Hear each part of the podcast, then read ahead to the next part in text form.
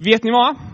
Hemma hos mig i Stora Mellösa där jag är uppväxt, där hade vi en lägergård som eh, vi ute på somrarna brukade ha lite så här scoutverksamhet. Så där när man gick i mellanstadiet så hade man med sig en stor hjälm då. Så åkte man ut och så åkte man liksom lite olika karuseller i skogen som olika församlingsmedlemmar hade byggt upp. Det var linbanor och det var jättemånga EU-godkända grejer där med stockar och saker som man gungade på. Väldigt, väldigt kul. Men det som var också roligt med scouterna, alltså det var ju kanske varje, varje mellanstadiekilles dröm. Det var ju det här med att elda. Alltså man kunde ta lite näver och lite allt möjligt där och lägga på brasan. Det var väldigt, väldigt kul. Bara att få vara med och grilla pinnbröd och vara vid elden. Per Alfredsson predikade för några veckor sedan om eld. Idag ska jag liksom försöka följa vidare lite grann på det spåret och prata om att vara brinnande. Vad är det som gör att vissa saker fortsätter att brinna? I skogen ute där bland scouterna, det var vissa grejer man behövde för att elden skulle ta fart, för att den skulle brinna ordentligt.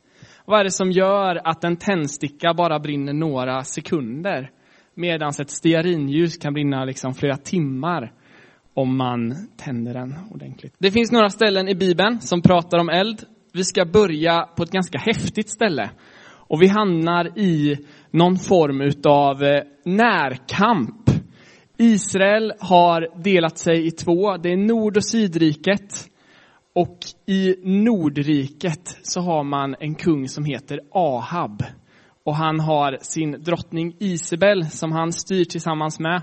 Och de har fört landet bort ifrån Gud. De har fört det åt fel håll. Eh, det är så att man, man tillber en annan gud som heter Baal. Eh, och de har rest en del tempel och liksom söker sig aktivt åt det hållet. Och i den här situationen så finns Elia. Elia han är profet åt vår Gud.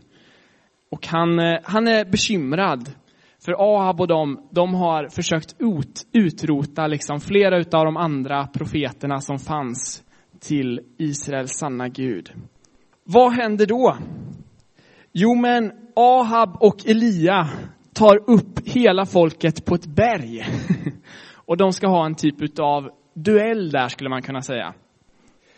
Vi kan läsa lite grann i, eh, i första kungaboken 18, vers 20. Elia trädde fram till folket och sa, hur länge ska ni halta på båda sidor? Om det är Herren som är Gud, så följ honom. Men om det är Bal, så följ honom. Men folket svarade honom inte med ett ord. Elia startar en tävling. Han eh, hugger ut som, det huggs ut så här ved och läggs på två olika högar och så är det två olika tjurar som läggs på de här vedhögarna då. Och tävlingen går ut på att man ska be till sin Gud. Ahab har med sig där 450 profeter till eh, eh, guden Baal. Och de ber liksom och viftar och dansar och tar i hela vägen. De börjar den här tävlingen kan man säga. Men ingenting händer egentligen. Egentligen är det här en ganska galen situation. Alltså när jag gick i eh, också mellanstadiet så spelade vi en del fotboll i skolan. Det var, det var speciellt en kille i min klass, han var väldigt duktig. Vi skulle kunna kalla honom för Johan. Johan, han ville alltid att vi skulle köra, köra Johan mot rubb. Det betyder liksom, det är Johan mot alla så.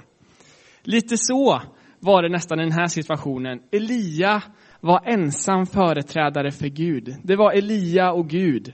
Baal hade 450 profeter eh, med sig. Och de började då be att Gud ska, deras Gud Baal ska kalla ner eld från himlen och tända eld då på den här tjuren och veden. Men ingenting händer egentligen. Och eh, efter ett tag så eh, egentligen borde ju Elia inte alls vara mallig i den här situationen, men han, han blir lite mallig, eh, lite kaxig nästan. Han säger så här. När det blev middag retades Elia med dem och sa, ropa högre. Visst är han en gud, men han kanske sitter försjunken i tankar, eller så är han upptagen, eller på resa, eller sover han. Men då ska han väl vakna. Och då blir ju basprofeter, det är ju, de går igång ännu mer liksom och de ristar sig och de gör allt möjligt konstigt. Till slut så går bollen över till Elia. Och Elia, han, de liksom, han får ett dike utgrävt runt den här tjuren. Och de häller vatten på veden och tjuren. Den här tjuren blir alldeles plaskblöt. Och Elia börjar be. Och eh, efter en stund när man bett så står det så här. Då föll Herrens eld ner och förtärde brändoffret. Veden, stenarna och jorden torkade upp vattnet som fanns i diket. När allt folket såg det föll det ner på sina ansikten och sa, det är Herren som är Gud, det är Herren som är Gud. Men Elia sa till dem, grip Bals profeter, låt inte en enda av dem komma undan. De grep dem och Elia förde dem ner till bäcken Kishon och dräpte dem där. Det här är ju kanske en av Bibelns mest spänningsfyllda berättelser. Eh, ja, men det, det är eld. Det är en närkamp. Det ser ut att bli liksom ett sånt stort avgörande. Gud visar verkligen sin närvaro. Men det är också lite utav ett antiklimax. För bara lite senare så blir det kanske inte riktigt som det var tänkt. Det hela, man tänker ju på något sätt att Ahab ska gå hem till sin hustru och de ska vända om till Gud och landet ska vända om till Gud igen. Men när Ahab går hem och berättar för Isabel vad som har hänt så blir hon rasande. Och hon skickar ett brev i hemlighet till Elia eh, om att nu, nu är det kört för dig. så. Och Elia, han flyr ut i öknen och folket liksom, de följer ju sitt ledarskap så det blir ingen stor förändring i landet efter det här. Elia, han eh, går ut i öknen och han får möta Gud där på ett fantastiskt sätt ändå. Ehm. Och eh, han blir liksom återupprättad. Men det är ett antiklimax. Det vart inte en stor omvändelse och en stor väckelse. Den här elden, den fortsatte liksom inte riktigt att brinna, även om det var fantastiskt i den stunden. Det är lite som när man har varit med i, i en film och kollat på en film. Jag gillar inte filmer med dåliga slut. Det kan vara något så här jättespännande. Men sen så kanske huvudkaraktären dör i slutet. Då är det inte roligt. Det gör ju inte Lia i den här stunden. Men vi ska prata också om en annan eld. Och det är elden som kommer på pingstdagen. Eh, när den heliga ande rör vid lärjungarna. Det här kallas kyrkans födelsedag. Eh, varför då? Jo, men för att elden vidrör andra. Elden går vidare. Då står det så här i Apostlagärningarna, kapitel 2, vers 1-3. När pingstdagen kom var det alla samlade. Då hördes plötsligt från himlen ett dån som en våldsam storm som drar fram och fyllde hela huset där det satt. Tungor som av eld visade sig för dem och fördelade sig och satte sig på var och en av dem. Det här vart startskottet. Och bara liksom i spåret av det här så är det ju flera tusen människor som får möta Gud. Utan pingstdagen hade vi inte suttit här idag, det är jag övertygad om. För den helige ande gjorde någonting som fick brinna vidare, som fick vidröra andra människor. Men vad är då skillnaden? Vad är skillnaden på det här antiklimaxet och själva om en startskottet? Hur kan det vara så olika? Hur kan saker landa på så olika sätt? Om vi rör oss tillbaka till den här scoutelden som eh, vi brukade sitta kring i mellanstadiet. Det fanns ju vissa olika komponenter som behövdes för att det skulle brinna. Det behövdes lite olika saker, kanske näver för att få igång starten där. Vad är det som behövs egentligen för att en eld ska brinna? Jag har med mig lite olika saker idag. Ni har kanske lagt märke till att det står en låda här och tycker det är lite konstigt. Eh, en viktig grej, tror jag, för att en eld ska fortsätta kunna brinna, det är syre. Det jag har fått den här solfjärden som man kan blåsa lite luft med eh, ifrån second hand.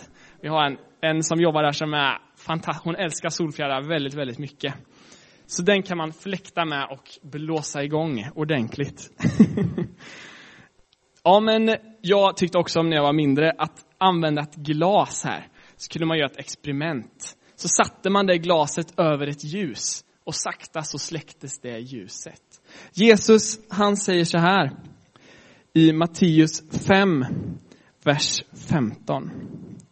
Om man tänder ett ljus så sätter man det inte under skeppan, utan man sätter det på hållaren så att det lyser för alla i huset. En eld behöver syre. Den behöver utrymme för att kunna brinna, för att kunna vidröra andra människor. Jag tycker väldigt mycket om kontroll i mitt liv. Jag är lite utav ett kontrollfreak så. Eh, jag gillar inte när det händer lite så här oförutsägbara saker, utan jag vill känna, nu har jag koll på läget, jag vet vart jag ska vara om ett år, jag vill veta liksom, ja men om fem år, då, ungefär här är jag då i livet. här.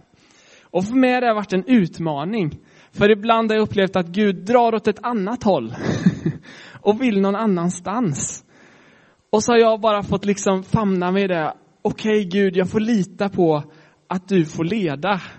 Jag måste släppa den här kontrollen och ge dig utrymme i mitt liv. Vet du om att Jesus är den gode herden? Herde, är ett sånt ord vi kanske inte använder så mycket idag. Men en herde är ju en som leder får. Han leder dem till där det finns bra och färskt gräs, där det finns vatten att dricka. Jesus han säger så här. Jag säger er sanningen. Den som inte går in i fårfållan genom porten utan tar sig in på annat håll, han är en tjuv och en rövare. Men den som går in genom porten är fårens herde.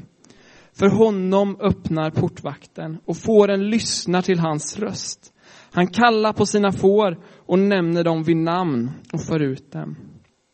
När han fört ut dem alla får han gå före dem och fåren följer honom eftersom de känner hans röst. Det är på något sätt en ömsesidig handling här.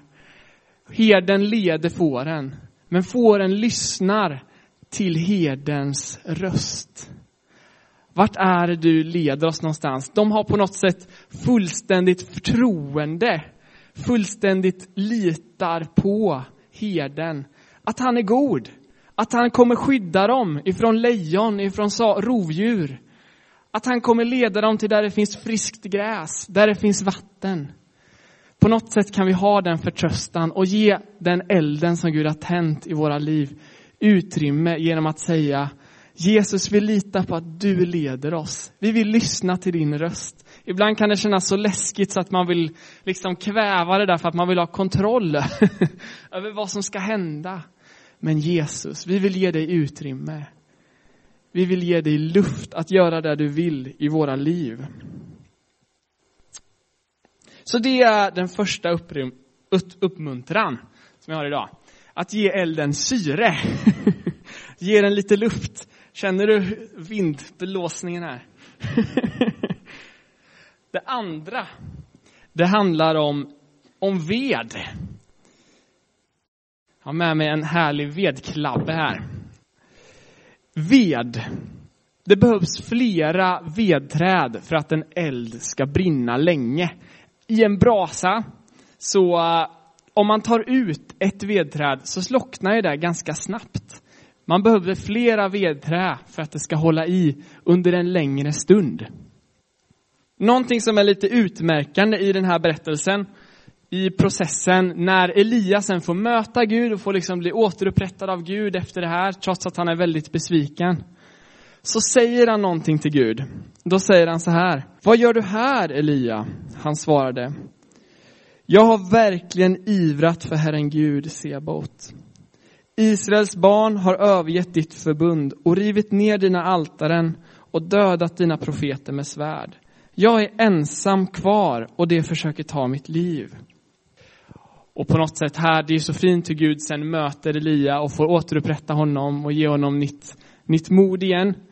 Men eh, det är en fallgrop. Elia, han står ensam kvar. Han är ensam. Och jag tror det är viktigt att vi på något sätt får stå tillsammans. Elias, Elias svaghet, det vart den här Elia mot rubb mentaliteten. Att liksom han och Gud fick stå ensamma. Vi behöver stötta upp varandra, bära varandras bördor. Ett ledarskap står inte starkt själv, utan vi behöver tillsammans stå inför Gud och tjäna honom tillsammans. Ett eh, ja, men, så fantastiskt ställe, det är också där på pingstdagen som vi läste om. Och precis efter att det som vi kallar för andens eld, andens närvaro, har fallit, så står det om att det höll troget fast vid apostlarnas undervisning, vid gemenskapen, brödsbrytelsen, bönerna. Alltså en direkt konsekvens av att Guds ande faller. Det verkar vara enhet. Det verkar vara tillsammans. Det är som att det på något sätt bara ekar. De höll tillsammans troget fast.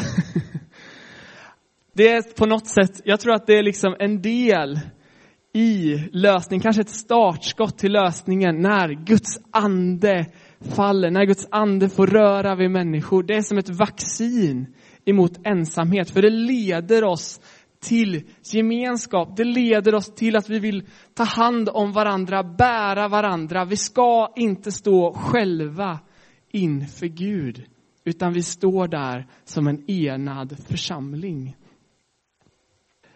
Det sista jag tror kan behövas ibland när man ska elda, det är, jag har varit på många majbraser i mina dagar. Och då Jag kommer ihåg så här, någon riktigt, riktigt regnig majbrasa. Men så kom de där och så tog de fram en sån här. En tändvätska och liksom hällde på. Och det brann till slut. Mycket går med lite hjälp. och någonstans är det där att Gud har möjlighet att göra det omöjliga.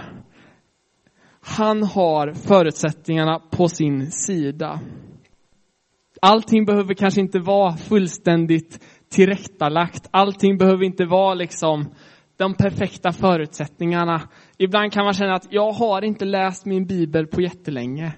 Jag har faktiskt inte känt att det är liksom helt tillrättaställt i min relation med Gud. Om du skulle placera Gud i ditt liv just nu, Vissa kanske säger, oh, men jag upplever att han är så nära, han är här. Men många kanske upplever att, nej men just nu, i bara i hur det känns, han är inte bredvid, han är i något rum där borta.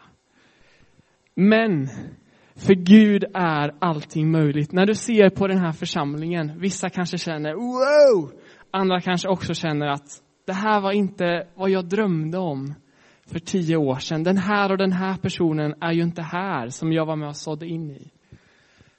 Men för Jesus är allting möjligt. För Gud är så mycket möjligt.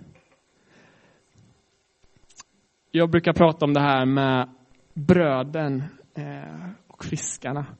Att på något sätt, det var så fint hur lärjungarna, när det inte fanns mat till alla tusen som hade lyssnat till Jesus, så var det en som bar fram ja, men lite bröd och lite fisk. Och sen så bara fick det genom Guds kraft bli mat till alla de här som mättade, flera tusen. På något sätt är det bara i Jesus, det är i Jesus som undret kan ske. Det är inte i vår kraft, det är inte i vår prestation, tack Gud för det. Utan det är bara i Jesus Kristus. Vi ska avsluta med att be tillsammans. Tack Fader för att vi får tillhöra dig. Tack Gud för att eh, det är bara genom din kraft som anden kan verka. Det är bara genom din närhet. Vi vill ge dig syre. Vi vill ge dig utrymme i våra liv. Vi vill tro att du är den gode herden, alltså den som leder oss rätt och har någonting gott för oss. Jesus, vi vill också bara stå tillsammans. Ingen mår bra av att stå själv, Gud, utan vi vill stå tillsammans. Eh, enade inför dig, Jesus Kristus. Ära dig, Far. Och vi, åh Jesus, du känner, du känner oss alla Gud och du känner den som är här och känner att, åh jag bär på ensamhet och jag bär på en känsla av att allting inte liksom ligger tillrättalagt i min relation med dig. Jesus. Eh, tack att vi får möta var och en idag, att du är nära. Du har lovat att du är med oss alla dagar inte tidens slut. Oavsett vad som ligger i det förflutna så kan vi ta emot din förlåtelse genom ditt blod. Heligande, tänd din eld. Jesus Kristus.